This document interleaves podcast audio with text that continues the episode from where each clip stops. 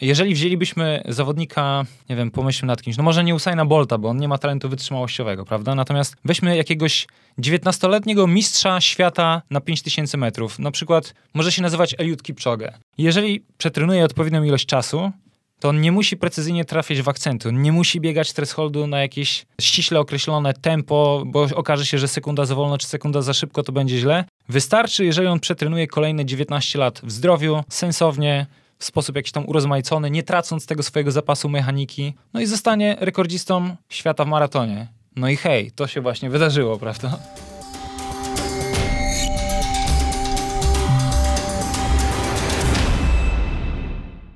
Już niebawem ponad 8 tysięcy zawodników spotka się na starcie podczas 15. edycji Poznań Półmaraton.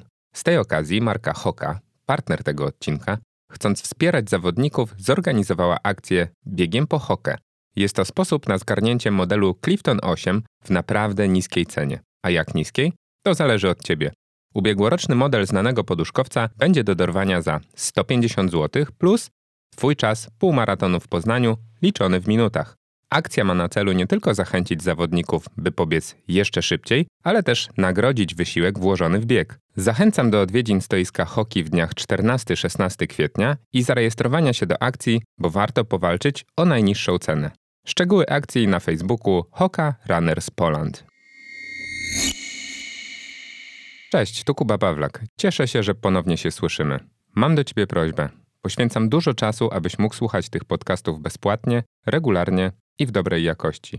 Dziś proszę Cię, abyś to Ty poświęcił dosłownie kilka sekund na ocenę podcastu na Spotify, subskrypcję na YouTubie lub zaobserwowanie moich kanałów w mediach społecznościowych. To dla mnie szczególnie ważne, gdyż jestem solowym twórcą. Dzięki temu wsparciu docieram do nowych słuchaczy i mam szansę dalej rozwijać swój projekt. Zajmie Ci to tylko chwilę. Zrób to teraz. Dziękuję i zapraszam na dzisiejszą audycję.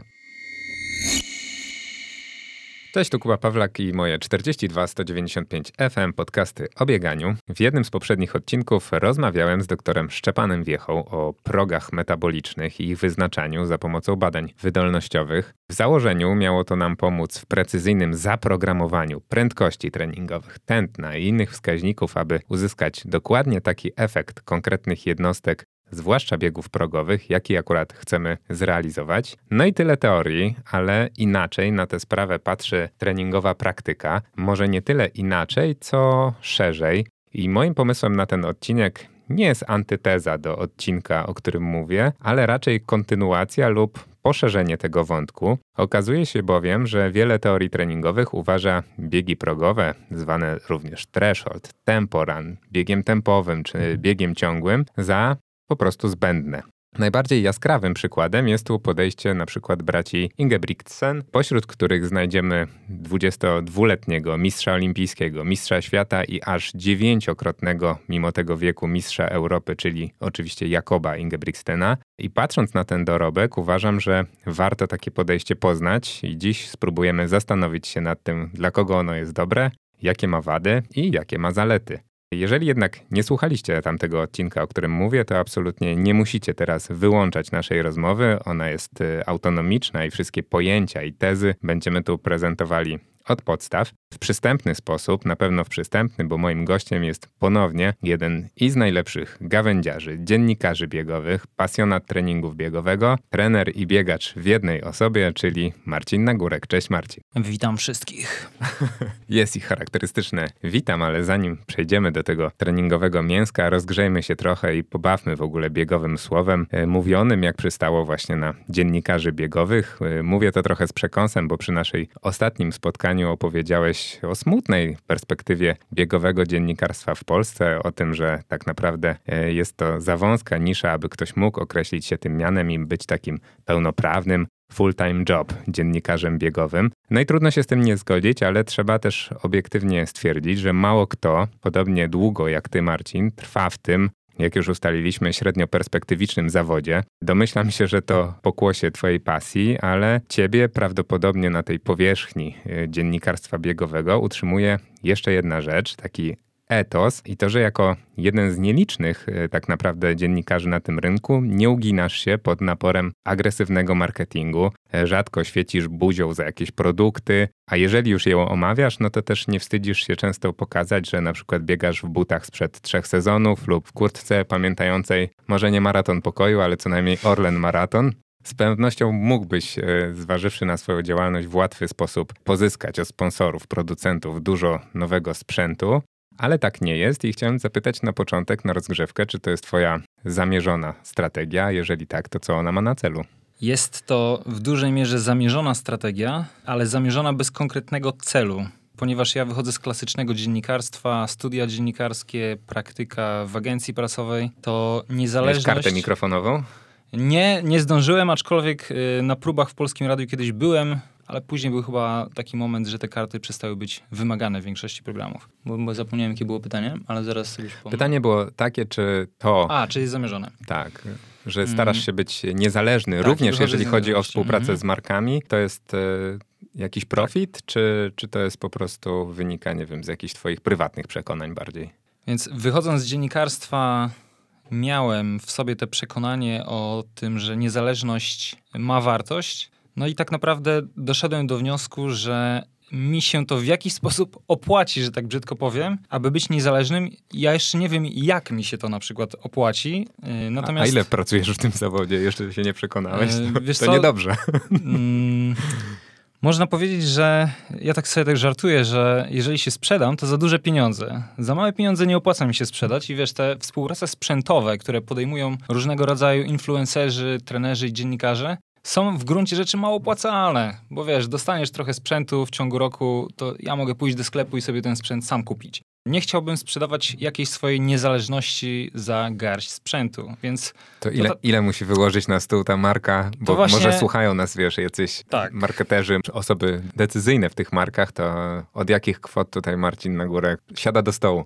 Na pewno dużą szansę Ile mają zer? firmy czekoladowe. Taka, żartowałem sobie kiedyś, że Milka mogłaby mnie sponsorować i tu za czekoladę być może, kto wie, bym się zgodził. E, ale nie wiem, czy to by mi się płaciło, bo potrafię tej czekolady zjeść dużo. Idź w Lindora, już tam coś rozdrabniasz. tak, tak, więc wiesz, yy, nie wiem do jakiego stopnia mi się to opłaci, ale czuję, że mi się to opłaci. Jest to zgodne z jakimś, powiedzmy, moim etosem, sumieniem i całe życie, dzięki temu, że nikomu się nigdy nie sprzedałem, mogę odgrywać czy pełnić rolę niezależnego komentatora, niezależnego eksperta, niezależnego... Komentatora rzeczywistości biegowej. Czekaj, czekaj. Niezależnego, to się wytnie, nie? E, jak to się mówi? Niezależnego konsultanta. Okej. Okay. E, no w moich oczach na pewno takim jesteś zdecydowanie. Tak trochę sobie żartujemy, ale e, chciałem tak bardziej jednak na serio zapytać, czy nie uważasz, że ci właśnie marketerzy, te marki często robiąc tą agresywną komunikację skierowaną do nas biegaczy, trochę sami sobie strzelają gole, bo mnie ostatnio nawet rozbawiła taka głośna kampania, że but marki, tutaj nie będę podawał XYZ, jest najwygodniejszy na rynku. Takie było główne hasło, że zadbał o to jakiś tam niezależny z amerykańska zwany lab z południa chyba Australii to tam było. No i to tak wiesz, brzmiało wszystko bardzo poważnie po angielsku i prestiżowo, ale była gwiazdka. No i zadałem sobie trud, żeby doczytać, co się za tą gwiazdką kryje. No i co się okazało.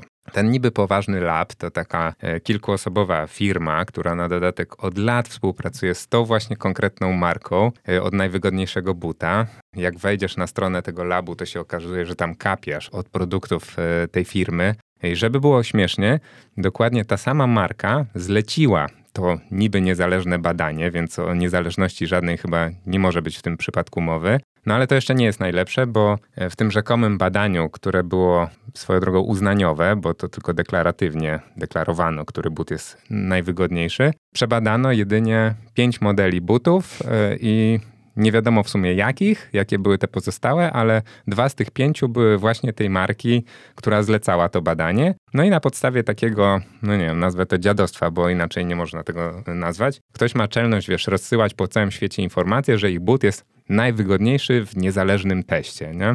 Umówmy się, że takie badanie można nawet dla drewniaków e, zaprojektować i wyjdzie dokładnie to samo. I czy ty, znając dobrze ten rynek, nie uważasz, że to po prostu zaszło za daleko i my, odbiorcy tej komunikacji, właśnie przez tego typu działania nie jesteśmy już po prostu wrażliwi na, wiesz, 47. najlepszą piankę, cholewkę i inne bajery, które co roku, co roku e, zdają się być rewolucją w bieganiu? Mnie to absolutnie nie dziwi, bo można powiedzieć, że to wynika z samej teorii informacji. Już w latach co najmniej 60. XX wieku pojawiły się teorie szumu informacyjnego. I to tak naprawdę ułatwia pracę ludziom takim jak ja, czyli niezależnym konsultantom czy niezależnym trenerom, bo ja jestem tym człowiekiem, który grzebie się w tych informacjach od 25 lat, ma na ten temat pewną wiedzę, ma pewien kontekst i to ja jestem tym, który wygrzebuje z tej bezwartościowej wiedzy, z tego szumu informacyjnego te czynniki, które mają znaczenie. Więc absolutnie mnie to nie dziwi. E, zdaję sobie sprawę z tego, że to będzie szło tylko w gorszym kierunku, będzie tylko gorzej.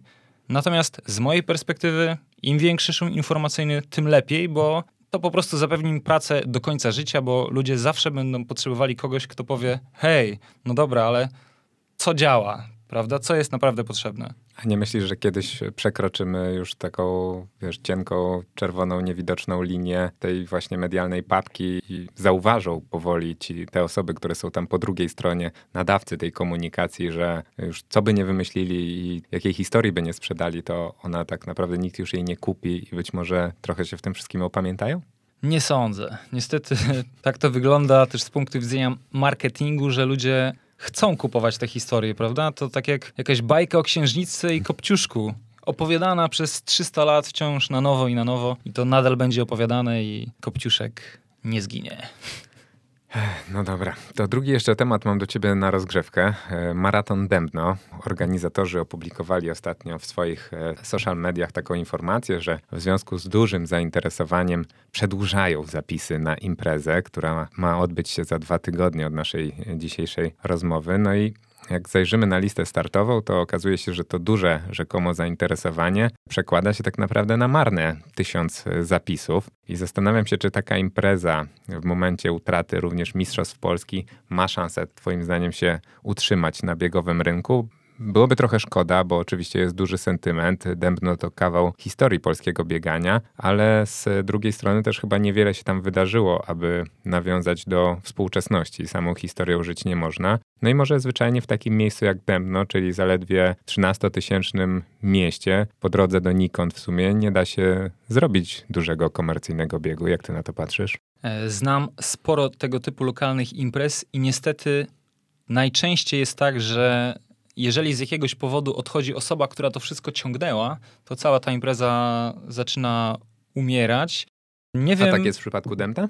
Bo ja Właśnie, nie wiesz, nie wiem, nie wiem. Tak, tam jest na pewno od y, wielu lat ten sam organizator. Nie wiem od jak dawna tak naprawdę, bo też nie sięgam jakby historycznie do samych początków Demda. Y, nie sięgam pamięcią. Natomiast przypuszczam, że tak może być i teraz czy mają szansę? No, na pewno mają szansę jako impreza lokalna i teraz pozostaje pytanie, kto ich wspiera, jakie mają koszta, czy są w stanie przynajmniej zarobić na swoje koszta, prawda? Bo z jednej strony, jako wielki maraton o skali ogólnopolskiej, no to ich szanse nie wyglądają jakoś rewelacyjnie, a z drugiej strony mamy całą masę imprez lokalnych, które jakoś przędą i tak naprawdę ich zaletą jest ta lokalność. Natomiast ja nie wiem, czy jestem dobrym adresatem tego pytania, bo co prawda mam maratońską życiówkę z Dębna, natomiast jakoś niespecjalnie mi się ta impreza podobała. Ja znałem ten sentyment, że świetna gruchówka, świetny doping i tak dalej. Pojechałem do tego Dębna. To była ta edycja, kiedy rozgrywano Dębno jesienią, bo już nie pamiętam dlaczego. Jakiś zamach, tam był papież, umarł. E, z jakiegoś powodu to przełożono. Było to straszliwe wygwizdowo. Biegło się przez las, przez wiesz, wiele kilometrów, nie widząc żadnego człowieka. Wiał straszliwy wiatr, pusto, ciemno, zimno powiedziałem sobie, że nigdy tam na pewno nie wrócę. Okej. Okay. E, słuchajcie, żeby nie było, że my tutaj jakoś e, hejtujemy maraton Dębno, nie chciałbym, żeby był taki wydźwięk. Ja na przykład e, Dębno, tak w kontrze do tego, co powiedziałeś, powiem, że wspominam bardzo dobrze, bo też tam biegłem, co prawda w wersji covidowej, więc trasa nie prowadziła tyle razy przez te pola, bo my kręciliśmy się po tym mieście po 8-kilometrowej pętli, ale bardzo urzekło mnie to, czego pewnie nie ma w dużych miastach, bo w takich miejscowościach jak Dębno, jak odbywa się maraton jeszcze w randze Mistrzostw Polski, to, to jest wydarzenie, tak? I, I ludzie faktycznie się tym interesują, wychodzą, machają z okien i czuć, że, że tam jak na skalę tej miejscowości dzieje się coś nadzwyczajnego i czuć tą energię od ludzi. I to było bardzo fajne i ja ogólnie Dębno dobrze pod tym względem wspominam. To ja ci przerwę, bo to jest mhm. taka trochę, wiesz, perspektywa mieszczucha, który z wielkiego miasta właśnie jedzie do mojej miejscowości. Ja z kolei pochodząc ze Słupska i z Pomorza przez y, całe życie biegałem właśnie na takich wiejskich festynach, wiejskich imprezach i to rzeczywiście ma swój klimat, że to jest taka lokalny tam gwóźdź programu, prawda? Jakiś tam bieg, y, sołtys biegnie, lokalni strażacy biegną i tak dalej, i tak dalej, więc znam ten klimat, ale jako, że go znam, to mnie to tak nigdy jakoś bardzo nie kręciło.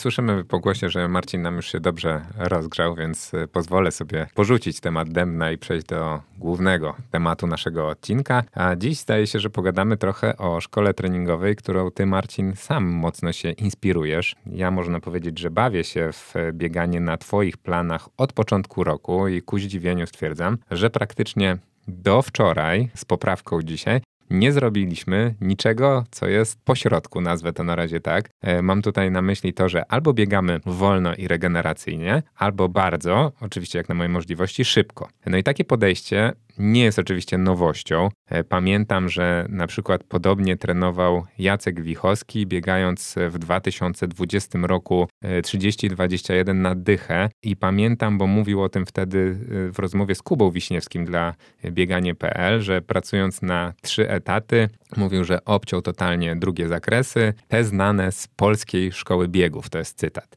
No i zanim porozmawiamy w ogóle o tym, o co w tej metodzie chodzi, to skąd tutaj to hasło, że to jest ta polska szkoła? Czy drugi zakres to jest w ogóle nasz regionalizm jakiś?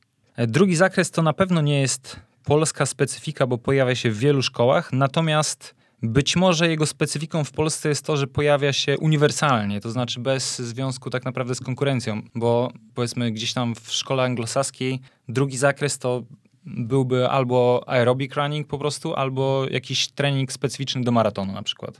Natomiast u nas drugi zakres biega się niezależnie od tego, w tej tradycyjnej szkole polskiej, bo oczywiście są różni trenerzy, różne szkoły i, tak dalej. Natomiast powiedzmy w tej szerokiej, tradycyjnej szkole polskiej, no to drugi zakres biega się niezależnie od tego, czy startuje się na dystansie 800 metrów, czy maratonu. To skąd zatem pochodzi to podejście, o którym mówimy, o którym mamy sobie dzisiaj porozmawiać? Czy ta metoda, nazwijmy to taka bezzakresowa, a może bardziej bezprogowa, bez biegów progowych, żeby to uściślić, to jest szkoła, nie wiem, norweska, e, amerykańska, włoska, czy może po prostu ogólnoświatowa, która przebija się też przez tą polską myśl, o której wspomniałeś? Wiesz, jeżeli sięgniemy do historii biegania, to tak naprawdę szkoła bezprogowa jest tą szkołą pierwotną, prawda? Bo jakieś e, metody interwałowe czy metody mieszane, znane przed wojną czy po II wojnie światowej, nie operowały pojęciem progu, bo wtedy tak naprawdę nie mierzono kwasu, nie było prostej metody mierzenia kwasu. Aczkolwiek pojawiały się jakieś takie próby znalezienia tego sweet pointu, czyli tej intensywności, która daje maksymalne zyski przy minimalnym zmęczeniu. I na przykład u Lydiarda, z tego co pamiętam, to było to bieganie na 3 czwarte i tak dalej. Więc w jaki sposób ludzie próbowali znaleźć punkt, za którym zmęczenie jest na tyle wysokie, że przekracza po prostu zyski, czy zyski są niewspółmiernie małe w stosunku do zmęczenia. Natomiast nie należy zapominać, że progi, które niektórzy uznają za świętego grala treningu obecnie, to jest tak naprawdę pewna sztuczna y, konstrukcja, sztuczna koncepcja. To znaczy wyodrębniamy sobie określone kryteria, bo na ogół w każdej szkole progowej mamy jakieś kryteria, że będzie to na przykład 20 minut biegu z intensywnością taką, albo 30 minut z intensywnością taką. W niektórych szkołach kwas ma rosnąć, w innych nie ma rosnąć, w niektórych rośnie o pół milimola na 10 minut i tak dalej, i tak dalej. Więc jest to pewna sztuczna koncepcja, na dodatek bardzo ściśle powiązana z biegiem ciągłym.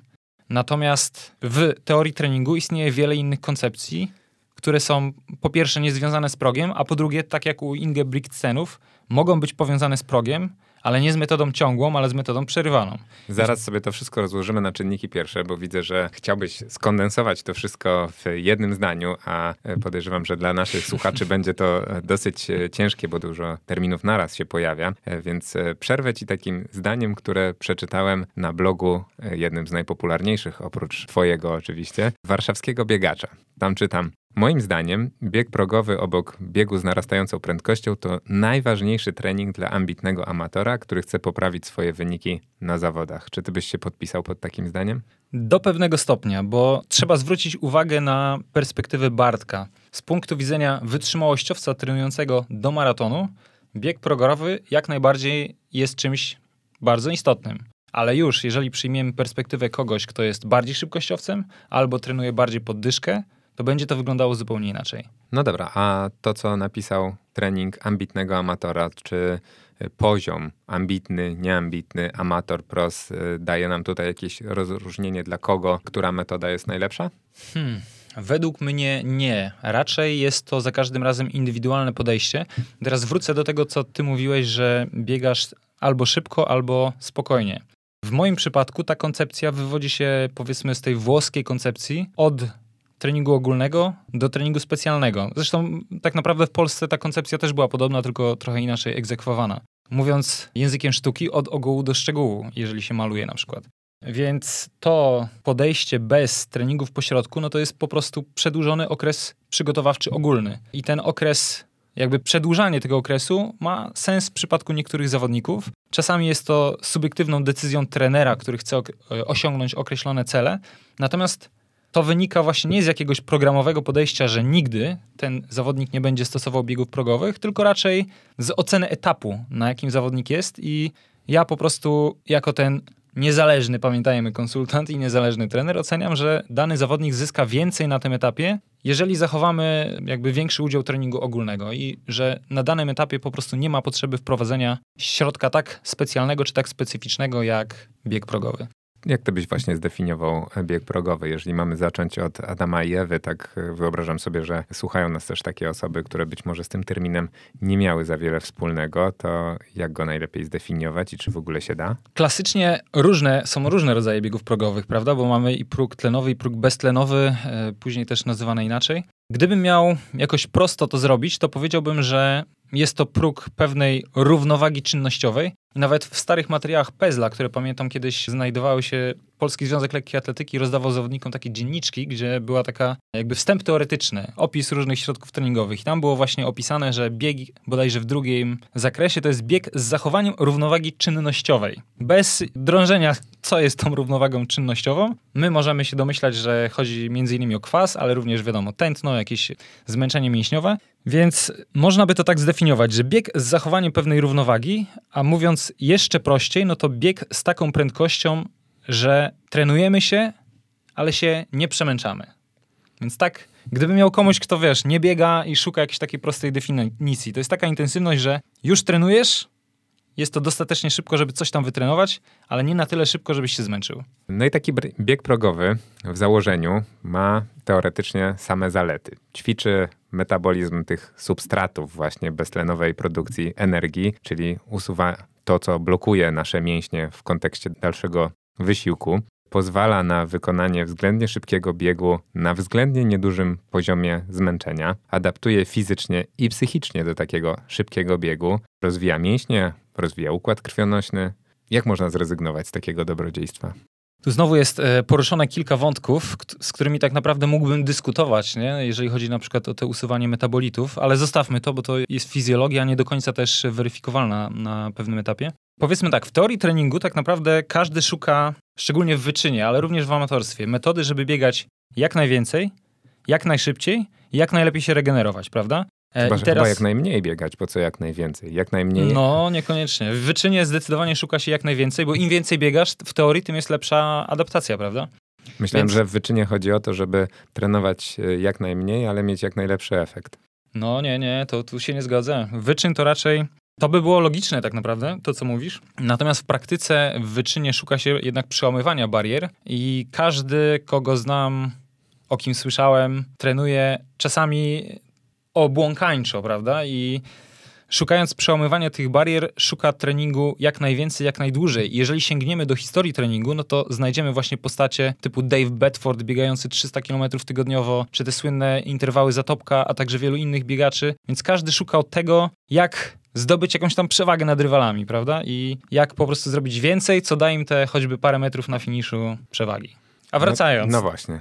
Szukając tej równowagi pomiędzy tymi trzema czynnikami, możemy się oprzeć o jakby różne metody treningowe i bieg progowy to jest jedna z prób odnalezienia właśnie tego, jak trenować. Odpowiedzie, odpowiedzenia tak naprawdę na to proste i trudne jednocześnie pytanie, czyli jak trenować. Natomiast jeżeli zaczniemy jakby od strony niezależnego obserwatora, zastanawiać się, jesteś? tak, zastanawiać się, dlaczego właśnie koncepcje biegu ciągłego i dlaczego akurat koncepcje progowe się przebiły do jakiejś tam świadomości i do teorii, no to okaże się, że tak. Między innymi dlatego, że mierzymy tętno oraz kwas, prawda? I y, tętno oraz kwas informują nas o tym, czy przekroczyliśmy ten mityczny próg, czy nie. Natomiast nie mierzymy tych rzeczy, które są po prostu trudne w mierzeniu. Powiedzmy na przykład jakieś napięcie mięśniowe, prawda? Albo stan pobudzenia układu nerwowego. Czyli po części możemy zastanowić się też nad pewnym być może jakimś lobbyingiem producentów tych urządzeń, prawda? E, więc chodzi o to, że zajmujemy się akurat tym, bo jest to wygodne do mierzenia. Ponieważ jest to wygodne do mierzenia, to wszyscy to mierzą. Ponieważ wszyscy to mierzą, to zaczęli wysnuwać jakieś tam wnioski. E, więc po części popularność teorii progów wynika właśnie stąd, a niekoniecznie z tego, że jest to najlepsza teoria treningowa. No ale nawet jeżeli połowa z tych, bo powiedziałeś, że część z tych benefitów wynikających z biegów progowych, można przy nich postawić mniejszy lub większy znak zapytania, ale nawet jeżeli połowa by się chociaż e, sprawdziła, no to i tak trudno sobie wyobrazić, jak taki trener, planując plan treningowy, może sobie pozwolić na zrezygnowanie z e, czegoś, co w tak wielu aspektach daje biegaczowi korzyść. Masz rację, oczywiście. Ja też nie chciałbym się tutaj przedstawić jako jakiś e, zdecydowany przeciwnik biegu biegów progowych. Biegi progowe u pewnych zawodników w treningu do pewnych dystansów jak najbardziej mają sens. E, natomiast yy, chcę... Czyli ty mówisz po prostu zdecydowane i stanowcze, raczej nie. E, tak, raczej nie. Ale być może tak, pod pewnymi względami. Chodzi o to, że jakby oceniając sytuację danego zawodnika, ja robię tak, że oceniam jego słabe i mocne strony i zastanawiam się, w jaki sposób ten zawodnik może uzyskać progres, zarówno w pierwszym, jak i drugim oraz trzecim kroku. I dopiero na tej podstawie podejmuję decyzję o tym, jakich środków użyć. Nie robię tego jakby od drugiej strony, że y, biorę, wiesz, y, Na warsztat popularne tak, środki tak, tak, i... I myślę, jak ten threshold do niego dopasować, albo z jaką prędkością on ma biegać. Nie, ja się na przykład zastanawiam, czy dla tego zawodnika bardziej właśnie nie sprawdzi się na przykład bieganie co drugi dzień, powiedzmy, przebieżek, nie? Albo sprintów, czy coś takiego, bo być może jego układ ruchu jest na tyle, w na tyle słabym stanie, że musimy bardzo mocno w ten układ ruchu zainwestować, a to oznacza bieganie z prędkościami znacznie szybszymi niż prędkości thresholdowe. Co oczywiście może ryzykować jakimś tam większym zmęczeniem, ale nie musi, jeżeli odpowiednio zastosujemy dane środki. Dlatego nie jestem przeciwnikiem thresholdu samego w sobie. Warto też zwrócić, że mimo wszystko te pomiary kwasu, których się dokonuje, pomiary tętna, potrafią jak najbardziej dostarczać nam wiarygodnych informacji. I teraz przechodząc właśnie, nawiązując lekko do Inge Brixtenu, więc oni teoretycznie nie stosują thresholdów, natomiast stosują pomiar kwasu, czyli stosują ten poziom zmęczenia, który odpowiada zmęczeniu na poszczególnych poziomach biegów ciągłych, ale po prostu nie stosują biegów ciągłych. Więc można powiedzieć, że to jest dokładnie to, co, o czym mówię, czyli oni, zresztą ja tak naprawdę też od wielu, wielu lat eksperymentowałem z interwałem i z e, szukaniem tych metod alternatywnych, szczególnie dla zawodników, którzy są zawodnikami raczej szybkościowymi i niekoniecznie tak dobrze reagują na biegi ciągłe. Więc jest to próba stosowania thresholdu bez thresholdu, albo próba po prostu obejścia tego systemu, próba znalezienia odpowiedzi na pytanie, jak ten zawodnik ma trenować, bez zastanawiania się, czy na pewno on musi biegać, wiesz, threshold, drugi czy trzeci zakres. Zaraz będę cię ciągnął za język odnośnie tych wszystkich cech, które rozwija ten bieg progowy i ewentualnie, jeżeli rezygnujesz z niego jako trener, to jakimi jednostkami starasz się te same cele czy zbliżone cele osiągnąć. Ale zanim to nastąpi, żeby jeszcze uporządkować naszą rozmowę, to chciałem się ciebie zapytać, no bo w tych biegach progowych dotyczących progu beztlenowego, o których teraz rozmawiamy, jest ta równowaga. Organizm musi nadążać e, w usuwaniu tych metabolitów, skutkiem czego obserwujemy e, taki wystrzał mleczanu po przekroczeniu tego progu jako markera tych procesów. I o tym mówił właśnie dr Wiecha. Mówił też, że w kwestii pomiarów jest to bardzo osobnicze, a tak zwana krzywa mleczanowa na wykresie może niekiedy być nawet e, prawie prosta, co e, utrudnia interpretację momentu występowania tego progu, przy jakiej intensywności on po prostu wyraźnie e, ma miejsce. Jak to w takim razie wygląda w praktyce trenerskiej, z trenerskiego punktu widzenia? Czy tobie jako trenerowi w ogóle taka wiedza, gdzie jest ten próg, jest potrzebna? Wydaje mi się, że rzeczywiście może istnieć trener i być skutecznym w treningu i prawdopodobnie wielu takich istnieje, nie mających tej głębszej wiedzy z dziedziny fizjologii, prawda? Czyli nie, nie interesujących się dokładnie, jakie procesy zachodzą w organizmie, co z czego wynika. Oni na przykład wiedzą, że jak chcesz biegać 30 minut na dychę, to musisz biegać ciągle po 3,15 i tak dalej, nie? Natomiast uzupełniając to, co mówisz, to powiedziałbym ważną rzecz, że te wszystkie benefity i te wszystkie domniemane procesy, które prowadzą do tego, że masz we krwi taki, a nie taki poziom kwasu, to jest tylko domniemanie. My nie wiemy dokładnie, co się dzieje w organizmie. Poziom mleczanu we krwi jest pewną pochodną wytwarzania tego mleczanu oraz usuwania tego mleczanu. My wiemy, że włókna o charakterze bardziej wytrzymałościowym do pewnego stopnia metabolizują mleczan, natomiast włókna bardziej szybkościowe raczej produkują. Natomiast jakie dokładnie proporcje w organizmie zachodzą u danego zawodnika, tego nie wiemy. I to jest z punktu widzenia fizjologii bardzo istotne utrudnienie. Zresztą. Czyli masz na myśli, że jeden wynik, jakby, jeden poziom, powiedzmy, nie wiem, te mityczne 4 milimole, może wynikać z tego, że jest duża produkcja, ale i sprawna tak. utylizacja, a może wynikać z tego, że tej produkcji tak. wcale dużej nie ma, tak? Dokładnie tak, dokładnie tak. I my tego na pewno nie wiemy. Możemy to domniemywać po wynikach sprawdzianów po wynikach innych treningów, ale tak naprawdę nie da się rozkroić pracującego mięśnia i zobaczyć, jak to dokładnie wygląda. Dlatego ta informacja o kwasie z jednej strony jest cenna, a z drugiej strony jest niepełna. Okej, okay, no to zastanawiam się, bo w przypadku właśnie tego progu beztlenowego, taki trening zbliżony do tej intensywności progowej, powiedzmy, że jednym z jego założeń jest również uczenie organizmu utylizacji tych e, substratów, o których mówimy, oczyszczania komórek mięśniowych z powoli narastającego poziomu kwasu i pozostałych tam metabolitów, no bo kwas jest jakby markerem głównie tutaj dla nas e, tego złego, co tam się jeszcze dzieje. Ale czy do uzyskania tych celów my potrzebujemy w ogóle jakiegokolwiek progu? Kwas niekoniecznie jest markerem tego złego, prawda? Bo kwas jest też substratem cyklu Krebsa, czyli jest jednym z. Wtórnie możemy pozyskiwać tak, tak energię tak, tak. dzięki jego rozkładowi, jasne. Natomiast rzeczywiście, powiedzmy, wyższy poziom kwasu często koreluje z wyższym poziomem zmęczenia i jakby wolniejszym poziomem regeneracji. Natomiast do poprawy tego, o czym mówisz, czyli oczyszczania, nie potrzebujemy może bardzo szczegółowej wiedzy na temat tego, w którym momencie jaka jest produkcja kwasu, jaka jest utylizacja, bo tego też y, nigdy nie uzyskamy. Natomiast potrzebna jest oczywiście sama świadomość tych procesów i tak naprawdę świadomość tych procesów wzrosła w ostatnich 30-40 latach. Owa świadomość odpowiada za pewne subtelne zmiany treningowe, które zaszły na świecie, a które niekoniecznie zaszły w Polsce i spowodowały wzrost poziomu na świecie, a niekoniecznie w Polsce. Natomiast udzielając teraz szybkiej, prostej odpowiedzi, aby poprawić usuwanie, wcale nie trzeba biec biegu ciągłego i powodować lekkiego narastania tego poziomu. Można powiedzieć jeden mocny odcinek, kiedy poziom narośnie bardzo mocno, a potem długi, spokojniejszy odcinek, kiedy ten poziom będzie spadał. Więc jest mnóstwo metod, aby uzyskać e, lactate clearance, to się nazywa, prawda? Czyli usuwanie właśnie laktatu z krwi. A czy e... można powiedzieć, że któreś jest mniej lub bardziej skuteczne? Bo wiesz, wyobrażam sobie, no nie jestem biochemikiem, ale wyobrażam sobie, że to może chodzić o trochę inne procesy w momencie, kiedy ten poziom jest bardzo wysoki, komórka musi sobie z tym poradzić, a inne, gdy y, on tak sobie, wiesz, fluktuuje mm -hmm. na mhm. jakimś takim tolerancyjnym poziomie i na bieżąco jest redukowany. Czy to... Nie, nie. Tak naprawdę chodzi nie o to, czy coś usuwa lepiej, a coś usuwa gorzej, tylko w treningu mamy bardzo ważną cechę, czyli specyfikę wysiłku, prawda? Mhm. Jeżeli trenujemy do maratonu, no to specyfika tego wysiłku polega na tym, że jest to długi, równy bieg ciągły.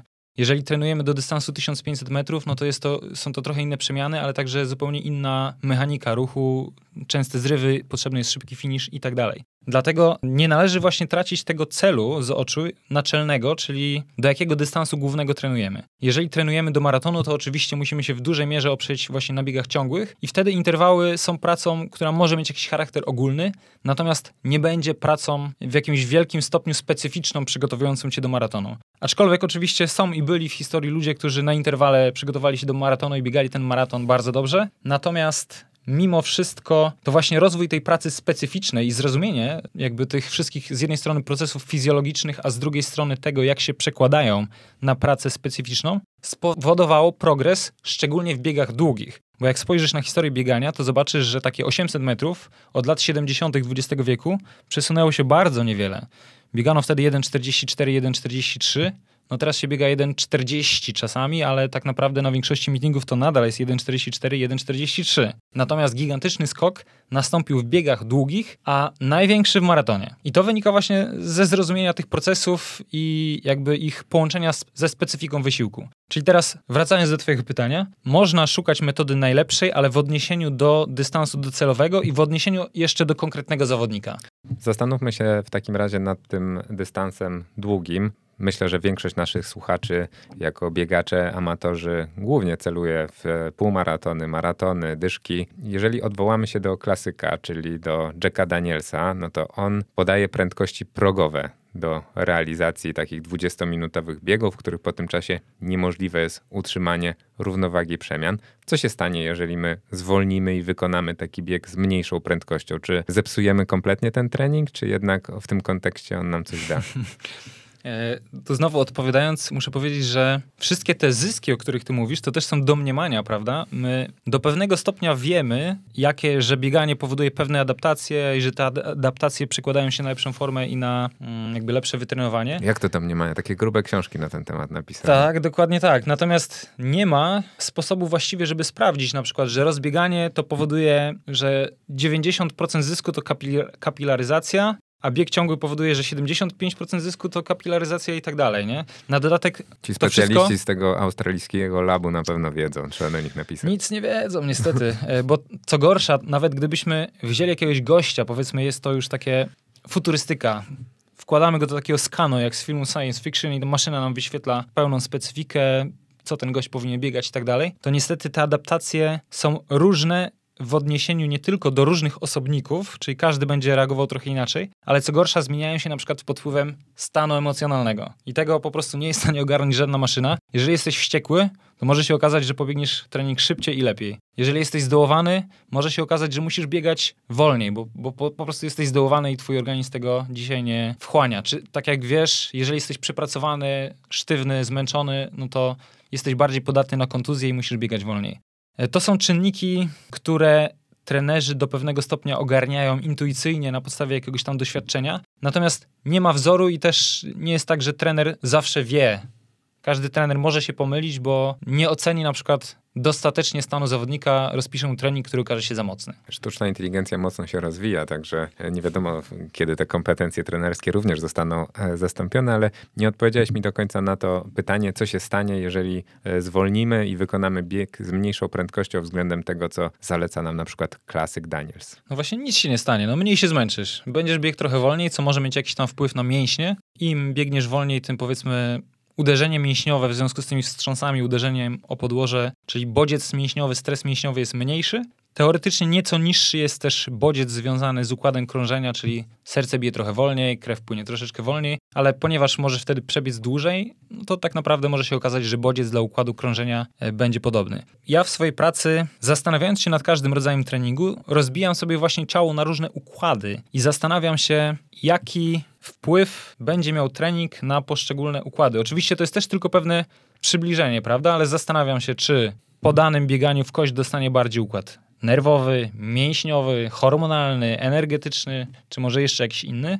No i staram się to równoważyć na podstawie jakiejś swojej wiedzy i doświadczenia. Więc odpowiadając na pytanie, jeżeli pobiegniesz wolniej, no to się nic nie stanie. Które układy bardziej zyskają, a które mniej? No, będziesz bardziej wypoczęty, więc może się okazać, że zyskasz jakby w długim okresie. Natomiast oczywiście istnieją treningi, mówi się o key workout, czyli tych kluczowych treningach w przygotowaniu do startów. Sam tego używam i jakby mapując jakieś przygotowania, to mapuję te key workouty, czyli kluczowe akcenty. Czasami te kluczowe akcenty potrafią być precyzyjne, bo jeżeli rzeczywiście znamy już zawodnika, wiemy, że chce poprawić maraton z 2,40 na 2,35, no to jego prędkość jest taka i taka, jego kwas jest taki i taki, więc niektóre akcenty wtedy planujemy bardzo precyzyjnie ale to są raczej pojedyncze treningi w ciągu roku, a nie jakby reguła. Przykładowo może, mamy takiego zawodnika, który z tych danielsowskich tabelek ma prędkość progową, nie wiem, 4 minuty na kilometr. Jak mógłby on biegać wolniej lub szybciej, osiągając ten sam efekt, co na prędkości, która mu z tych tabelek wynika? Odpowiedź jest bardzo prosta, nie da się tego określić, z tego względu, że nie wiemy znowu o jakim zawodniku do końca jest mowa. Pierwsze co robię, to sprawdzam rozkład wyników tego biegacza na różnych dystansach i patrzę, czy da się tutaj wyodrębnić jakiś schemat, czy nie schemat, tylko no jakiś rozkład prędkości, prawda? Na przykład, jeżeli zawodnik jest coraz wolniejszy na e, coraz dłuższym dystansie, to znaczy proporcjonalnie coraz słabszy na coraz dłuższym dystansie, no to jest to dla mnie jakiś sygnał, że może jest słaby wytrzymałościowo, a może po prostu ma talent do biegów krótkich, prawda? Jeżeli ma talent do biegów krótkich, czyli jest szybkościowcem, tak powiedzmy, no to albo go namówię do biegów krótkich, A jeżeli chce biegać biegi długie, no to może zastosuje treningi oparte o bieganie szybsze, czyli interwał, bo on zareaguje na nie lepiej. Podatni są na takie namowy biegacze w praktyce? Tak, ciekawe pytanie. Powiedziałeś kiedyś komuś zafiksowanemu na maraton, że się do tego nie nadaje i że chcesz Codziennie. go przetransformować na półtoraka i on się zgodził? Słuchaj, codziennie to robię. To jest skuteczniejsze niż myślisz, dlatego że na ogół biegacz szybkościowy, który spróbuje tego szybkościowego treningu, to on od razu czuje, że to jest coś, co mu pasuje. To nie jest tak, że jakby to jest coś wbrew jego naturze. Biegacz szybkościowy na ogół naturalnie biega szybko. Niektórzy z tych biegaczy nigdy nie mieli okazji wcześniej biegać szybko i jeżeli nagle w treningu dotkną jakichś interwałów, biegania odcinków na maksa, wtedy myślą sobie, wow, ale to jest super. Więc powiedziałbym, że moja skuteczność w namawianiu do zmiany dystansu, jeżeli widzę, że ta zmiana dystansu jest konieczna, no to jest tak z 90%. Niektórzy, wiesz, czasami są jakieś kompromisy, na przykład mówię, dobra, słuchaj, pobiegasz piątkę, dychę, ktoś tam biega 3,30 maraton, nie? Pobiegasz piątkę, dychę przez tam najbliższe 2-3 lata, zrobimy ci tam progres z 45 na 35, no puszczę cię raz na ten maraton, złamiesz sobie truchtem te 3 godziny i wiesz, będzie ok. I oni na to idą, wiesz, biegasz wtedy 3,30, myślisz sobie, wow, złamię truchtem 3 godziny, ale tak się okazuje, że on się poprawi na te 35 minut i ten 3 godziny, 4 lata później to łamie właśnie truchtem. Odpowiadasz bardzo dyplomatycznie i na pewno najlepiej jak się da na, na te moje pytania, bo ja cię próbuję trochę wpuścić na minę, żebyś ty chlapnął coś tam konkretnego dla tego mojego wyimaginowanego zawodnika i pewnie tam nie jeden ekspert z drugiej strony mógłby wtedy się przyczepić, o co on gada, tutaj nie jest to do końca prawdą. E, na tych ogólnikach jednak e, trudniej jest ciebie złapać, ale jeszcze, sorry, ale jeszcze będę cię trochę tak e, dobra, męczył. Dobra, drąż. Bo no, mamy tego, tego naszego zawodnika, o którym rozmawialiśmy, zwolnienie poniżej tej prędkości progowej, e, jakby względem tego treningu progowego opóźnia ten efekt i wydłuża jakby czas wysiłku, tak? E, to jest takie dość naturalne, no i wiadomo, że jeżeli będziemy biegli tu za wolno, no to w ogóle nie wejdziemy na te zbliżone nawet rejestry zakwaszenia, no bo nie wejdziemy mocno w te przemiany beztlenowe, ale w drugą stronę, jeżeli przekroczymy i powiedzmy zamiast tych mitycznych 4 milimoli osiągniemy nagle 8, no to skąd wiadomo jak żonglować przerwą i wypoczynkiem, e, aby trafić odpowiednio z efektem zbliżonym do biegu progowego? Znowu wracamy do specyfiki wysiłku. Specyfika wysiłku dotyczy nie tylko prędkości, ale również różnego rodzaju zmęczenia e, tych różnych układów, o których mówiłem. I na przykład specyfiką biegu maratońskiego jest bieg na niskim kwasie, ale specyfiką biegu na 800 metrów jest bieg na wysokim kwasie. Natomiast teraz odpowiadając, nie ma precyzyjnej metody. Tak jak pytasz, właśnie nie ma precyzyjnej metody, że określimy, że na przykład twój czas wysiłku musi trwać dokładnie 3 minuty 15 sekund, a przerwa 4 minuty i 3 sekundy. To jest zawsze pewne przybliżenie, ja dokonując tych przybliżeń zawsze zakładam pewien margines bezpieczeństwa, czyli rozpisuję trening, który jest troszeczkę spokojniejszy albo troszeczkę łagodniejszy niż mógłby być. Natomiast są trenerzy, oczywiście rzeźnicy, którzy idą w drugą stronę, to znaczy biorą, że dobra, tak wychodzi, że powinien biegać po 3,20, to rozpiszmy 3,15, prawda? To też jest metoda. Właściwie czasami, może i mi się zdaje, zdarza rozpisać tego rodzaju akcenty, ale niezbyt często. Raczej, wiesz, Dlaczego? primum non nocere, prawda? Więc y, staram się przede wszystkim nie zaszkodzić zawodnikowi i specyfiką procesu treningowego jest też to, że jeżeli trenujesz sensownie przez dłuższy okres czasu, nie doznajesz kontuzji, to prędzej czy później będziesz w formie. Więc ja raczej dążę do tego, żeby zawodnik przetrenował jak najdłużej,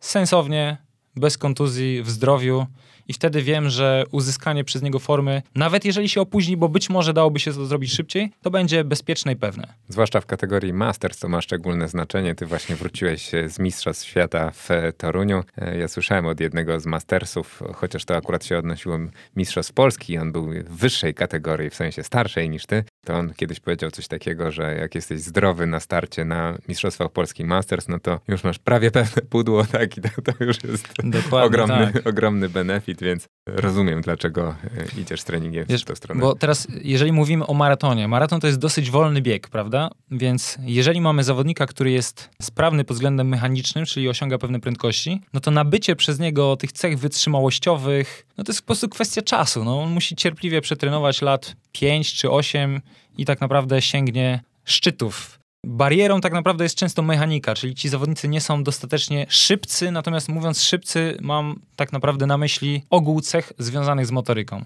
Jeżeli wzięlibyśmy zawodnika, nie wiem, pomyślmy nad kimś, no może nie Usaina Bolta, bo on nie ma talentu wytrzymałościowego, prawda? Natomiast weźmy jakiegoś 19-letniego mistrza świata na 5000 metrów. Na przykład może się nazywać Eliud Kipchoge. Jeżeli przetrenuje odpowiednią ilość czasu, to on nie musi precyzyjnie trafiać w akcenty, on nie musi biegać thresholdu na jakieś ściśle określone tempo, bo okaże się, że sekunda za wolno czy sekunda za szybko to będzie źle. Wystarczy, jeżeli on przetrenuje kolejne 19 lat w zdrowiu, sensownie, w sposób jakiś tam urozmaicony, nie tracąc tego swojego zapasu mechaniki, no i zostanie rekordzistą świata w maratonie. No i hej, to się właśnie wydarzyło, prawda?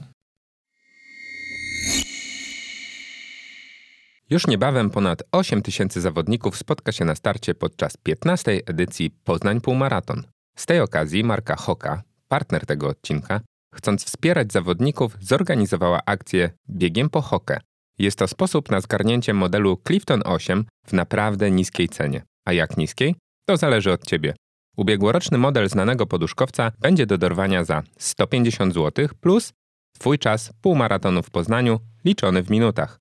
Akcja ma na celu nie tylko zachęcić zawodników, by pobiec jeszcze szybciej, ale też nagrodzić wysiłek włożony w bieg. Zachęcam do odwiedzin stoiska hoki w dniach 14-16 kwietnia i zarejestrowania się do akcji, bo warto powalczyć o najniższą cenę. Szczegóły akcji na Facebooku Hoka Runners Poland. Wróćmy trochę do tego schematu, tej myśli treningowej, e, wyzbytej biegów e, progowych. E, zastanawiam się, co powiesz ze swojego doświadczenia na temat aspektu treningu mentalnego w tym wszystkim, treningu głowy, no bo bieg progowy jednak pozwala nam tolerować e, psychicznie, uczyć się tej tolerancji na długi i dość intensywny wysiłek, z którym często mamy do czynienia właśnie w przypadku, nie wiem, na przykład półmaratonu, tak, czy, czy w drugiej części maratonu. Czy to nie jest przypadkiem na przykład coś, co trudno jest zastąpić w inny sposób? Najpierw odpowiem jako trener mentalny, jako trener na guru, czyli guru, powiem, że mental to wszystko. Nie masz mentalu, to nie masz nic. A mówiąc bardziej serio, oczywiście psycha jest diabelnie ważna w bieganiu, szczególnie w bieganiu długodystansowych. Natomiast oczywiście nie, da, nie dajmy się zwariować, prawda? Psycha jest ważna, natomiast jeżeli nie masz w nogach, to najlepsza psycha ci nie pomoże. Dlatego jakby zawodnik idealny dąży do tego, żeby uzyskać pewną równowagę. Mocna psycha, ale oczywiście mocne nogi. Skupiliśmy się na progu beztlenowym. Jest jeszcze jeden e, próg wcześniej, o którym też gdzieś wspomnieliśmy. Jest oczywiście kilka, ale chciałbym skupić się na tym tlenowym. Czy tu też e, wiedza o jego istnieniu jest jakby trochę zbędna i możemy oszukać e, system, na przykład biegając szybko, osiągnąć podobne założenia? Czy wiesz, w progu tlenowym w jeszcze większym stopniu niż w progu beztlenowym chodzi o unikanie zakwaszenia, o unikanie już jakby w ogóle, czyli e, ta równowaga pomiędzy wytwarzaniem a usuwaniem w ogóle nie zostaje zaburzona, ten poziom nam totalnie nie rośnie. Czyli to jest taka łagodniejsza odmiana progu beztlenowego, moglibyśmy, wiesz, tak pół żartem powiedzieć. Zaletą biegania na progu beztlenowym, szczególnie w wersji powiedzmy norweskiej, gdybyśmy już tam robili kroczek dalej w tej analizie, jest to, że biegamy relatywnie szybko w porównaniu do prędkości rozbiegania, natomiast zyskujemy mniej więcej to samo, co na rozbieganiu, tylko jeszcze lepiej, prawda? Mhm. Tylko jeszcze intensywniej. Więc chodzi o to, że unikamy tego większego zmęczenia, biegamy nieco szybciej, co ma swoje zalety mechaniczne. Może nawet w trochę większym stopniu pobudzamy cały układ krążenia łącznie z sercem. Natomiast zmęczenie jest bardzo niskie. Właśnie z tego względu, że unikamy powiedzmy wysokiego kwasu, więc nie przemęczamy też układu nerwowego, bo wiesz, mówiłeś o mentalu, natomiast ja odniosę się, wiesz, układ nerwowy, który można powiązać z mentalem, prawda? Układ nerwowy jest czymś, co steruje mięśniami. Jeżeli przeciążymy układ nerwowy w jakiś sposób, a można go przeciążyć na różne sposoby, w życiu codziennym, ale i w treningu, no to okaże się, że wiesz, no sterowanie mięśniami zawodzi, prawda? Bo software, wiesz, zostaje zaburzony. Mało się w sumie o tym mówi. Jak e, rozpoznać u siebie, czy jak ty rozpoznajesz u zawodników, że może mieć przeciążony układ nerwowy akurat? Ja po prostu nie przeciążam.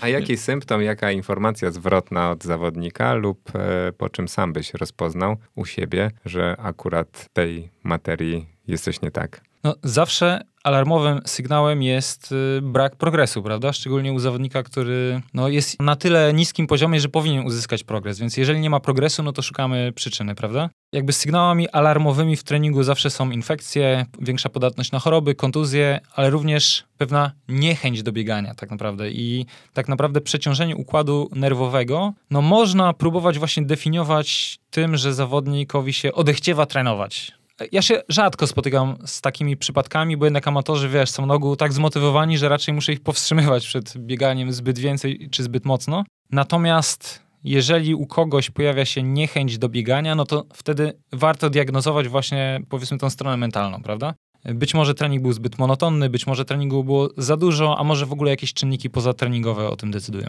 Czytałem odnośnie tego pierwszego progu, jeszcze wracając u ciebie na blogu, że zalety w ogóle tego wolnego biegania, biegów spokojnych, to jest to, że ćwiczymy również intensywniejszy udział przemian tłuszczowych w pozyskiwaniu energii i że tam właśnie nie trzeba specjalnie się czepiać żadnego progu i że wystarczy tak naprawdę też doprowadzić do deficytu węglowodanów w organizmie. E, można też ten sam efekt osiągnąć dietą, można biegać trochę może na czczo, czy zrobić trening na takim właśnie deficycie węglowodanowym. No i chciałem zapytać, czy lepszym rozwiązaniem jest e, długi trening trening w stylu Renato Kanowy, o którym pisałeś, czy może słynne bloki treningowe z przerwą pomiędzy bez węglowodanów? Próbowałeś kiedyś w ogóle tych metod?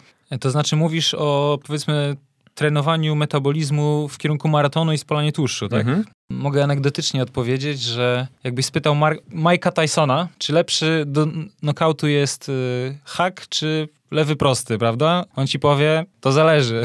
Z kim To zależy tak, jak się przeciwnik ustawi. Na pewno byłbym ostrożny ze stosowaniem tych metod na głodnego u zawodnika amatorskiego, bo one potrafią być ryzykowne, tym bardziej, że jeżeli biegasz ciężki trening na głodnego i jesteś profesjonalistą, to wiadomo, możesz później leżeć i wchłaniać. Natomiast e, amator, który zacznie robić jakieś ciężkie treningi głodując, gdzieś tam nie doje, nie odpocznie i tak dalej, no to intuicyjnie powiedziałbym, że te ryzyko przetrenowania rośnie. Natomiast w przygotowaniu do maratonu czasami punktowo taki kryzys, czyli taką ściankę energetyczną warto zastosować. Ja ją stosuję dosyć często. Zresztą nie wiem, czy tu mogę zdradzać swoje sekrety. Nikt nas nie słucha. Nikt nas nie słucha, więc zdradzę ci, że wiesz, ja większość treningów długich zalecam zawodnikom bez podawania węglowodanów, właśnie po to, żeby doznali lekkiej ściany energetycznej i tym samym, żeby zachodziła u nich adaptacja energetyczna, oszczędzanie węglowodanów, prawda? Natomiast w polskim podejściu i w polskiej szkole treningowej dominuje podejście odwrotne, czyli te takie niemal religijne przyjmowanie węglowodanów w czasie wysiłku, prawda? Że najlepiej na długi trening to mieć kogoś na rowerze, kto ci tam co? Dokładnie 11 minut poda precyzyjnie wyliczoną dawkę węglowodanów. Ja uważam, że bieganie na czczo w treningu do maratonu y, i bez podawania węglowodanów ma duży sens, ale oczywiście nie każdy jest w stanie to niestety znieść. I na przykład ja jestem jako szybkościowiec, który między innymi dlatego biega głównie biegi średnie, bo jakiekolwiek bieganie na czczo to jest coś dla mnie nie do przejścia. Ja na czczo ledwo jestem w stanie zrobić rozbieganie po 6-0 na kilometr. Jak w takim razie obronisz tą teorię w kontekście tego, że e, trzeba jednak też trenować prze przewód pokarmowy, tak? Jeżeli będziemy robić e, długie biegi e, na czczo i wreszcie w dniu zawodów, chcąc osiągnąć maksymalny efekt, będziemy chcieli te węglowodany przyjmować w trakcie biegu, no to nasz nieprzyzwyczajony organizm może się po prostu zbuntować. A drugi taki kontrargument, na który chciałbym, żebyś, do którego chciałbym, żebyś się ustosunkował, no to jednak jakość tych treningów. No jednak jest naukowo udowodnione, że na tym deficycie węglowodanowym nasz organizm jest w pewien sposób ograniczony. To teraz mogę powiedzieć Ci coś kontrowersyjnego, z czym nie zgodzą się eksperci i spowoduje to masę negatywnych komentarzy. Uważam, że w większości przypadków tak zwany trening jelita nie ma żadnego sensu. Mówię to lekko z przekąsem, ale naprawdę tak uważam. Moje doświadczenie pokazuje, że w maratonie, jeżeli biegamy z odpowiednim do wytrenowania tempem, stosujemy raczej negative split, czyli pierwszą połowę biegniemy spokojniej, to właściwie problemy żołądkowe wtedy nie występują przy jakimś takim rozsądnym dożywianiu, czyli wiadomo, nie jest to obżeranie się w trakcie biegu, tylko spożycie tych tam dwóch, czterech żeli. Większość problemów jelitowych uważam, że wynika po prostu ze zbyt mocnego tempa. Dwóch żeli na maraton? Można tak, myśleć? Oczywiście. To, to jakby, Za mało? To jakby nic. No, są różne przypadki, wiesz, Haile Gebrselassie przeleciał w 2-3 na samej wodzie. Hmm. Ale Haile jest tylko jeden. Tak, ale wiesz, e, no, znam wiele przypadków ludzi, którzy biegają bez żeli, y, czy to dlatego, że po prostu nie wierzą w żele, czy to dlatego, że wiesz, te żele są drogie i nie chcą po prostu tracić pieniędzy. Słuchajcie, sprawdźmy Marcina Nagórka y, pod postem, w którym znaleźliście tę informację o tym podcaście. Wpiszcie, ile żeli jecie na maraton. Zobaczymy, jak statystycznie to wygląda. Ja jestem bardzo ciekawy, bo ja na pewno o dwóch żelach to bym daleko nie zabiegł. Wiesz, żele są różne, nie? Ja na przykład w swoim debiucie maratońskim, gdzie zrobiłem niepoprawioną do dzisiaj życiówkę, czyli 2,39,59 bez karbonu. E, zjadłem bodajże 6 żeli, natomiast były to żele izotoniczne, które mają mało kalorii. I ten szósty już tak nie wszedł do końca, powiedzmy, a nawet częściowo wyszedł. Mhm. nie, nie pytam o szczegóły. Nie pytaj. No dobra, a kwestia jakości treningu? Faktycznie tak jest, że jakościowo prawdopodobnie jakość wykonania też może nam spaść w momencie, kiedy mamy mocny deficyt, jeśli chodzi o kalorykę. Masz rację, natomiast też wiele tu zależy od talentu. Jednym z kryteriów, po których poznaję talent maratoński jest to, że są to ludzie, którzy potrafią biegać szybko i skutecznie na czczo wiesz, z punktu widzenia kogoś, dla, dla kogo to jest niewykonalne, na przykład dla kogoś takiego jak ja, to się wydaje niemożliwe. Natomiast rzeczywiście są zawodnicy, zawodniczki, które są w stanie wstać o 4 czy 5 rano i zrobić mocne 30 km zupełnie na czczo. No chyba i nie wiem, robi to nie. Chyba wiem, kogo masz na myśli. Tak, pozdrawiamy. tak, ale jest takich naprawdę więcej. Wiesz, to po części wynika Możemy trenować, możemy poprawiać wyniki, ale pewnych yy, wrodzonych zdolności też nie przeskoczymy, prawda? Więc jeżeli kompletnie nie masz talentu do maratonu, kompletnie nie masz talentu do biegania właśnie na tłuszczach, do tego biegania niskoenergetycznego, no to nic nie zrobisz, nie? E, gdyby taki Usain Bolt chciał pobiec maraton, no to choćby trafił do Renato Kanowy, to myślę, że Renato wiele by z niego nie wycisnął. No dobra, bo zabrnęliśmy tutaj w stronę żywienia, a mieliśmy rozmawiać zupełnie o czym innym. Opowiedz trochę o tej praktyce szkoły norweskiej, którą się inspirujesz, bo wydaje mi się, że może nas słuchać wiele osób, które tak naprawdę no nie do końca wiedzą, jak to ugryźć. Tak? Jeżeli trenują po długie dystanse właśnie zgodnie z tą polską, tak, którą określiliśmy na początku, e, szkołą e, zakresową, no to gdyby chciały bardziej przeformatować się na ten styl norweski, zainspirowane wynikami Jakoba Ingebrigtsena, to jak to w ogóle e, taki cykl treningowy wygląda? Czym są zastępowane te biegi progowe? Cała ta metoda zaczęła się tak naprawdę nie on, od Ingebrigtsenów, tylko od Mariusa Bakena. Marius Baken to był taki lekko dziwnie wyglądający Norweg, który jakieś 20 lat temu biegał piątkę w 15.06. Przepraszam, w 13.06, jeszcze przed erą karbonu, czyli no był naprawdę mocny. I on też, z tego co pamiętam, był studentem albo medycyny, albo jakiegoś kierunku związanego właśnie z wychowaniem fizycznym.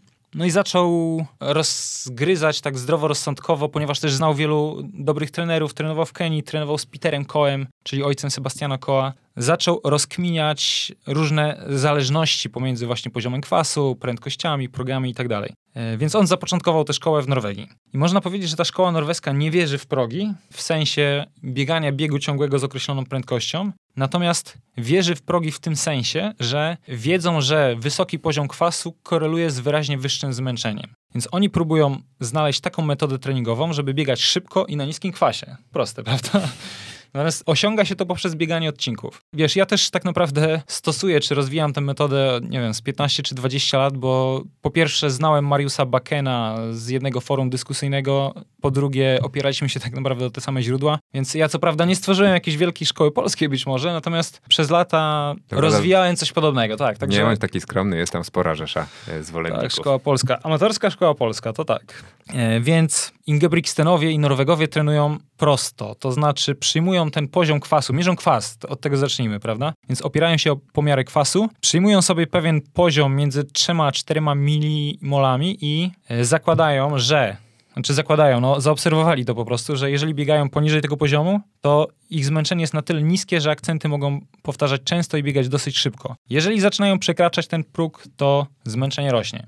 I teraz ważna rzecz, wspominałem o tym, że każdy w treningu szuka metody biegania jak najwięcej, jak najszybciej i regenerować się jak najlepiej, prawda? Więc oni po prostu wykryli zależność, że nawet jeżeli biegasz szybko, ale trzymasz ten poziom kwasu w ryzach, to zyski wytrzymałościowe są takie same, a może czasami większe niż przy bieganiu tego biegu ciągłego, czyli tych tradycyjnie pojętych progów. Natomiast dochodzą ogromne zyski mięśniowe, czyli poprawa ekonomii biegów wynikająca z tego, że odcinki możesz biegać mocniej. I teraz, jeżeli weźmiemy tego twojego 40-minutowego biegacza, wreszcie coś konkretnego, będzie konkret. Czekałem na to. Więc on mógłby biegać jakiś bieg progowy, powiedzmy, Daniel pewnie rozpisałby mu szóstkę po 4,15, nie? powiedzmy biegu progowego. Natomiast Norwegowie kombinują tak. Zamiast biegać szóstkę po 4,15, to niech on pobiegnie 12 razy 1000 po 4,0 na przykład 5 z minutową przerwą. Co zyskujemy? Zyskujemy dwa razy większą objętość, większą szybkość, która jest bardziej połączona ze specyfiką dystansu, bo te 4,15 a 4,5 no to jest jakaś tam istotna różnica. Ona w praktyce jest większa, prawda? Ale trzymajmy się tego konkretnego przypadku.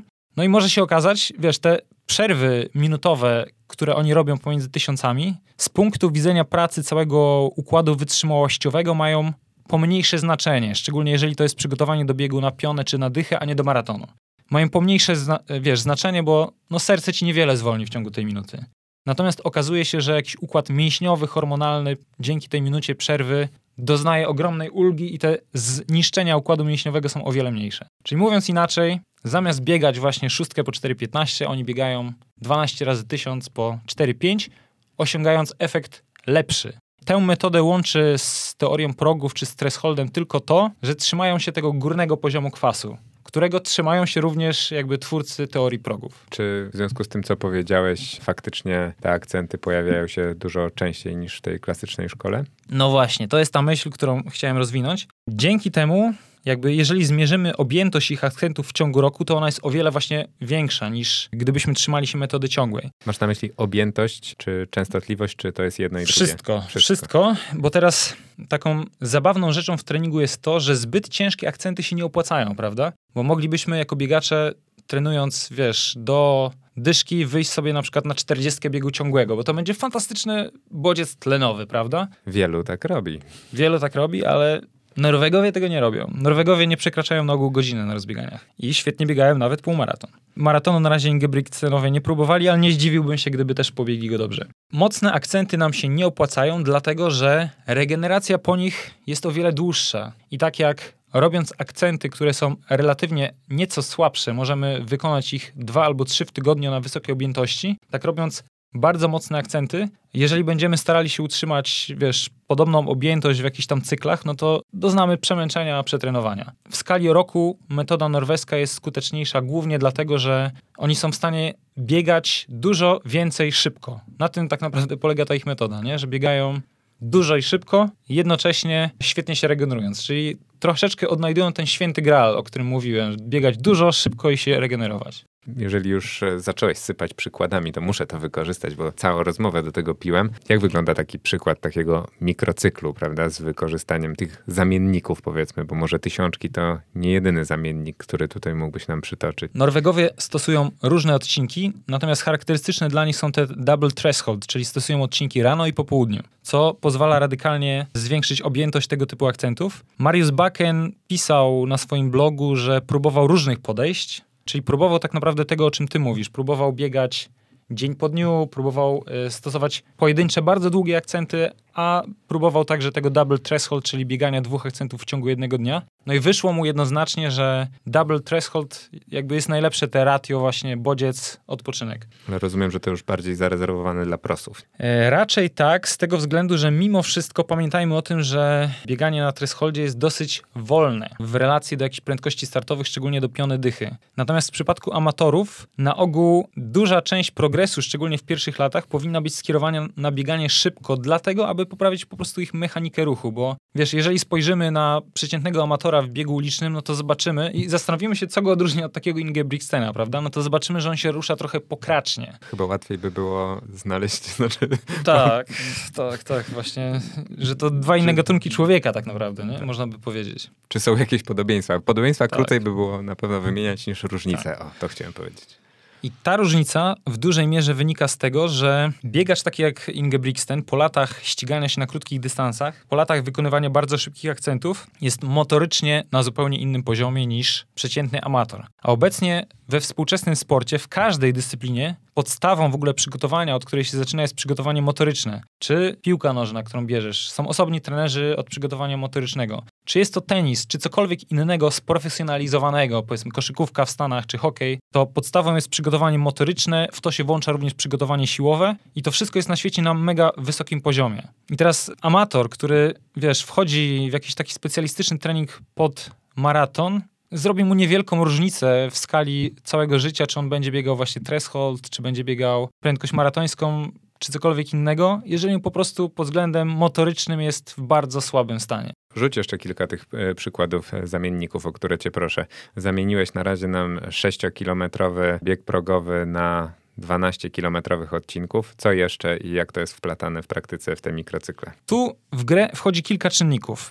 Po pierwsze, po miarze kwasu łatwo zauważyć, że jeżeli biegamy krótsze odcinki, to możemy biegać je nieco szybciej niż odcinki dłuższe i jeszcze szybciej niż oczywiście bieg ciągły. Dlatego Norwegowie stosują różne prędkości. To nie jest tak, że oni biegają wszystkie odcinki z jedną prędkością. Stosują różne długości odcinków na różnych prędkościach. Cechą wspólną tych treningów jest trzymanie kwasu w ryzach. Kolejnym czynnikiem, który warto wziąć pod uwagę jest po prostu ten oczywisty czynnik, że ludzki umysł nie lubi nadmiernej monotonii, dlatego odcinki warto zmieniać. No i Norwegowie stosują taką metodę, że biegają zwykle dłuższe odcinki rano i później na już lekkim zmęczeniu krótsze, szybsze odcinki po południu. Nie jest to też jakieś takie wielkie odkrycie, bo tak naprawdę nawet w tej polskiej szkole, którą troszeczkę, wiesz, y, czasami wyszydzamy, ja pamiętam sprzed już 20 czy więcej lat, że bywały na obozach tego typu akcenty, że biegało się bieg ciągły bądź odcinki długie rano i później krótkie po południu, więc wiesz, to nie jest też jakaś taka wielka rewolucja, to co zrobili Norwegowie, oni to raczej usystematyzowali i zastosowali w taki konsekwentny sposób, nie? Ale nie jest to taka zupełna nowość. Tego typu eksperymenty już się pojawiały w treningu.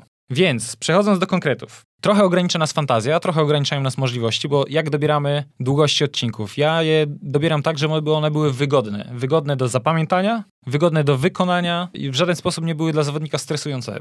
Bo wiesz, mógłbym rozpisać komuś interwał typu najpierw 2 razy 350, potem 4 razy 470, potem 2 razy 620 i tak dalej, i tak dalej. Nie? Natomiast z punktu widzenia organizacji treningu to nie ma większego sensu. Dlatego w zasadzie każdy trener i niemal każdy zawodnik stosują jakieś wersje uproszczone. Norwegowie biegają na przykład coś takiego, że rano 6 razy 2 km albo 5 razy 2 km z prędkością powiedzmy to będzie pół maratonu. Po południu 25 razy 400 z prędkością piątki. Na obu tych treningach manipulują na tak przerwami, bo przerwy też są ważne, manipulują tak przerwami, aby kwas był niski. Robią jakby częste pomiary, po paru latach stosowania tych treningów tak naprawdę już intuicyjnie zna, znają swoje poziomy kwasu, więc nie muszą. Natomiast na pierwszym etapie wykonują po prostu bardzo częste pomiary, aby nie biegać tych odcinków za mocno. Potem robią dzień przerwy i następnego dnia biegają na przykład 10 razy kilometr, o którym wspomniałem, a po południu powiedzmy 10 razy 500. Na ogół są to po południu krótsze odcinki, czasami są to odcinki tej samej długości.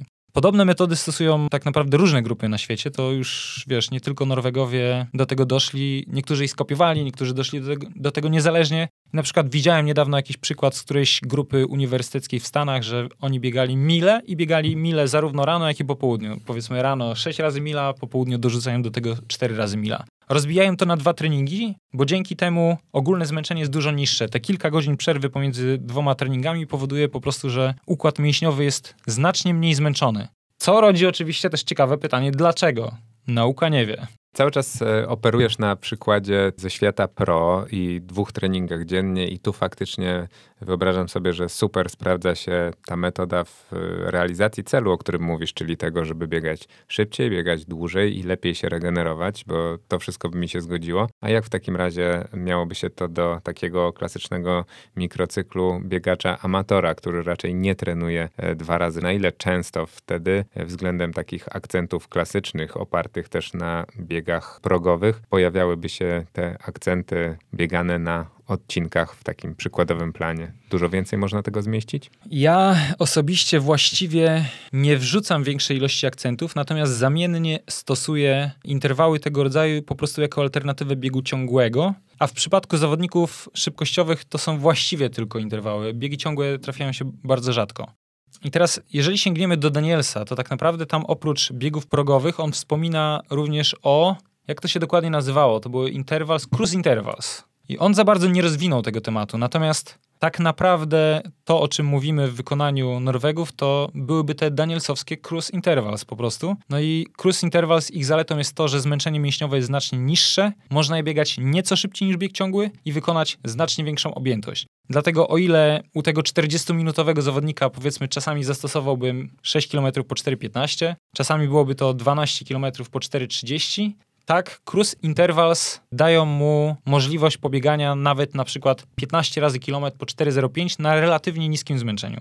Więc gdybym miał coś doradzić biegaczom amatorom, to właśnie próbę zamiany biegu ciągłego na te Danielsowskie cruise intervals. To jest najłatwiejsze, dlatego że po prostu Daniel zrobił do tego tabelę, prawda? Więc człowiek może się zorientować mniej więcej bez korzystania z laktometru, jaka to jest mniej więcej prędkość. W praktyce jest to najczęściej trochę wolniej niż te danielsowskie thresholdy, e, przynajmniej jeżeli chodzi o bieg ciągły, bo tak naprawdę ja rzadko spotkałem kogoś, kto potrafi biegać te thresholdy dokładnie na tych prędkościach, jakie rozpisał Daniels. To było dosyć ambitne i dotyczy tak naprawdę wytrenowanych ludzi. Dlatego wziąłbym tabelę Danielsa, spojrzał co tam jest thresholdem i biegał to odrobinę wolniej, a przynajmniej zaczynał nieco wolniej, prawda? I wtedy zamiast właśnie 6 czy 8 km thresholdu można zrobić 12, 14, 15 odcinków kilometrowych na prędkościach powiedzmy pokrewnych, czasami trochę, ja wiem, że trochę mącę, prawda, bo mówię o prędkościach wyższych, czasami o prędkościach niższych, bo to się zmienia w zależności od zawodnika, w zależności od cyklu. Natomiast ogólnie mówiąc, byłyby to prędkości podobne do thresholdu, czasami nieco niższe, czasami nieco wyższe, ale dające łącznie dużo większą objętość akcentu. Marcin, chwalisz mocno tą szkołę, ona poniekąd jest twoją inspiracją, więc trudno, żeby było inaczej, ale zastanawiam się, czy w swojej długiej trenerskiej praktyce idącej w stronę właśnie rozwoju w tym kierunku zauważyłeś jakieś wady i ryzyka e, większe niż e, przy klasycznym podejściu? Żeby tak nie było za różowo, wiesz, i wiesz, za kolorowo. Te szkoły treningowe, mam wrażenie, że tak naprawdę często jest to pewnego rodzaju, powiedzmy, moda, czy jakiś taki wpływ otoczenia. Bo na przykład mówimy tutaj o tych thresholdach norweskich, natomiast y, Afrykanie ich praktycznie nie stosują, prawda? Y, Afrykanie bazują w dużej mierze na biegach ciągłych. Nie wiadomo tak naprawdę dlaczego. Być może byłoby to, wiesz, trochę zbyt kłopotliwe, y, tak rygorystyczne przestrzeganie tych protokołów, przerw i tak dalej. Natomiast fakt jest też, że Afrykanie są na ogół znacznie lepsi. O tym zresztą pisał Marius Bakken znacznie lepsi w kontrolowaniu odczuć własnego organizmu. I tak jak biegacze europejscy, gdy proszono ich o bieganie na progu, to okazywało się, że biegali za szybko, tak Kenijczycy na ogół biegali dokładnie właśnie, wiesz, to, czego od nich oczekiwano. Więc wybór konkretnej metody treningowej, wiesz, to jest właśnie no, trochę subiektywna metoda. Tak naprawdę jest, wiesz, wiele metod na dojście do celu. Ja osobiście staram się nie ograniczać swojego myślenia, bo tak jak mówisz, że wiesz, Norwegowie na mnie wpływają i tak dalej, to tak nie do końca tak. Za każdym razem, jak mam nowego zawodnika, to staram się patrzeć na niego świeżo i zastanowić się, co będzie dla niego dobre pod względem fizycznym, mentalnym, ale też co będzie dla niego wygodne, prawda? Więc jeżeli ktoś ma pętlę, na której może biegać fantastyczne biegi ciągłe i widzę, że świetnie reaguje na te biegi ciągłe, no to on tych biegów ciągłych biega dużo. Jeżeli ktoś ma tylko prostą kilometrową na przykład, no to dużo biega na tej kilometrowej prostej. Więc to jest tak, że każdy rodzaj treningu ma wady i zalety. Trudno powiedzieć, to jest zawsze indywidualne, co jest lepsze, a co gorsze, prawda? Raczej, raczej jest to podział indywidualny, że dla jednego to będzie nieco bardziej właściwe, a to będzie nieco mniej właściwe. Szedłbym właśnie, wiesz, ja zawsze idę w stronę wygody właśnie w treningu, choćby z tego względu, że aby uzyskać moc, swoją jakąś maksymalną moc biegową, maksymalną moc tlenową, to tak naprawdę potrzebujesz, wiesz, 10-15 lat treningów, prawda? Tak się mówi, że żeby przygotować się do maratonu na swojego maksa, no to potrzebujesz tak 10 lat to lekko. A to oznacza, że trening nie może być zbyt po prostu ciężki, zbyt jakiś inwazyjny dla ciebie, również mentalnie. Więc nie przesądzając o tym, co dokładnie jest gorsze, a co dokładnie jest lepsze, y, powiedziałbym właśnie, żeby jakby szukać swojego indywidualnego rozwiązania. Natomiast poczekaj, poczekaj, mam jednak coś mi przyszło do głowy, właśnie jest to oczywista sprawa tak naprawdę. Specyfiką podcastu jest to, że ponieważ się mówi szybko, to czasami zapomina się o rzeczach oczywistych i wiesz, później odsłuchujesz i myślisz, nie no, dlaczego nie powiedziałem o tym, przecież to oczywiste. Ponieważ biegacze europejscy, a tak naprawdę dotyczy to biegaczy niemal na całym świecie nie mają tego czucia tempa, no to biegając odcinki bardzo łatwo jest po prostu biegać za mocno.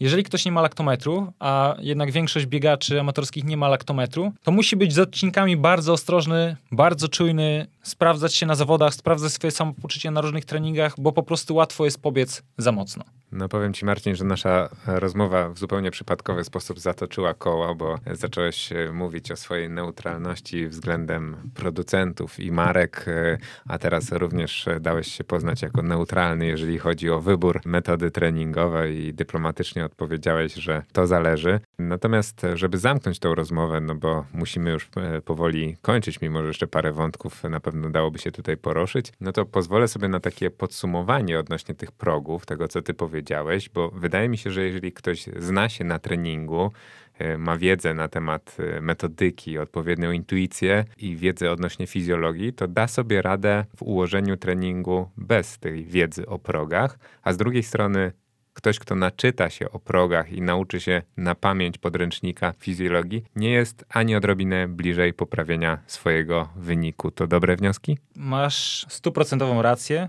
Jeżeli spojrzymy na historię biegania, no to wiesz, znajdziemy jakiegoś Amerykanina Boba Szula, który był mistrzem olimpijskim z Tokio na piątkę i biegał bodajże tam 13-20 parę na piątkach. On nie miał żadnego pojęcia o progach, miał trenera, miał wyczucie i po prostu trenował. I znam takich zawodników w bieganiu amatorskim, którzy w ogóle nie zaprzątają sobie głowy teoriami, wiedzą jakoś intuicyjnie, że czasami trzeba pobiegać szybciej, czasami wolniej, więc jak najbardziej masz rację, jest to w 100% możliwe. No i tym e, zamykamy tą rozmowę. Marcin, dziękuję Ci bardzo za udział w e, dzisiejszym odcinku. Ja już mam oczywiście pomysł na następny. Posadzę Cię naprzeciwko Zosi Piotrowicz, czyli naszej stałej specjalistki odnośnie żywienia i pogadacie sobie o tym, czy warto jeść żele podczas treningu i zderzycie swoje teorie, no bo jak mój podcast i wiele innych na pewno dobrze pokazuje, nie ma w bieganiu jedynych jedynych słusznych teorii i to zawsze jest e, coś, co zależy. Dzięki Marcin jeszcze raz. Dziękuję wszystkim i pozdrawiam całą swoją liczną rodzinę i wszystkich znajomych. Myślisz, że ktoś z rodziny będzie tego słuchał? Mam nadzieję, że nie. Mama? Mamo, nie słuchaj tego.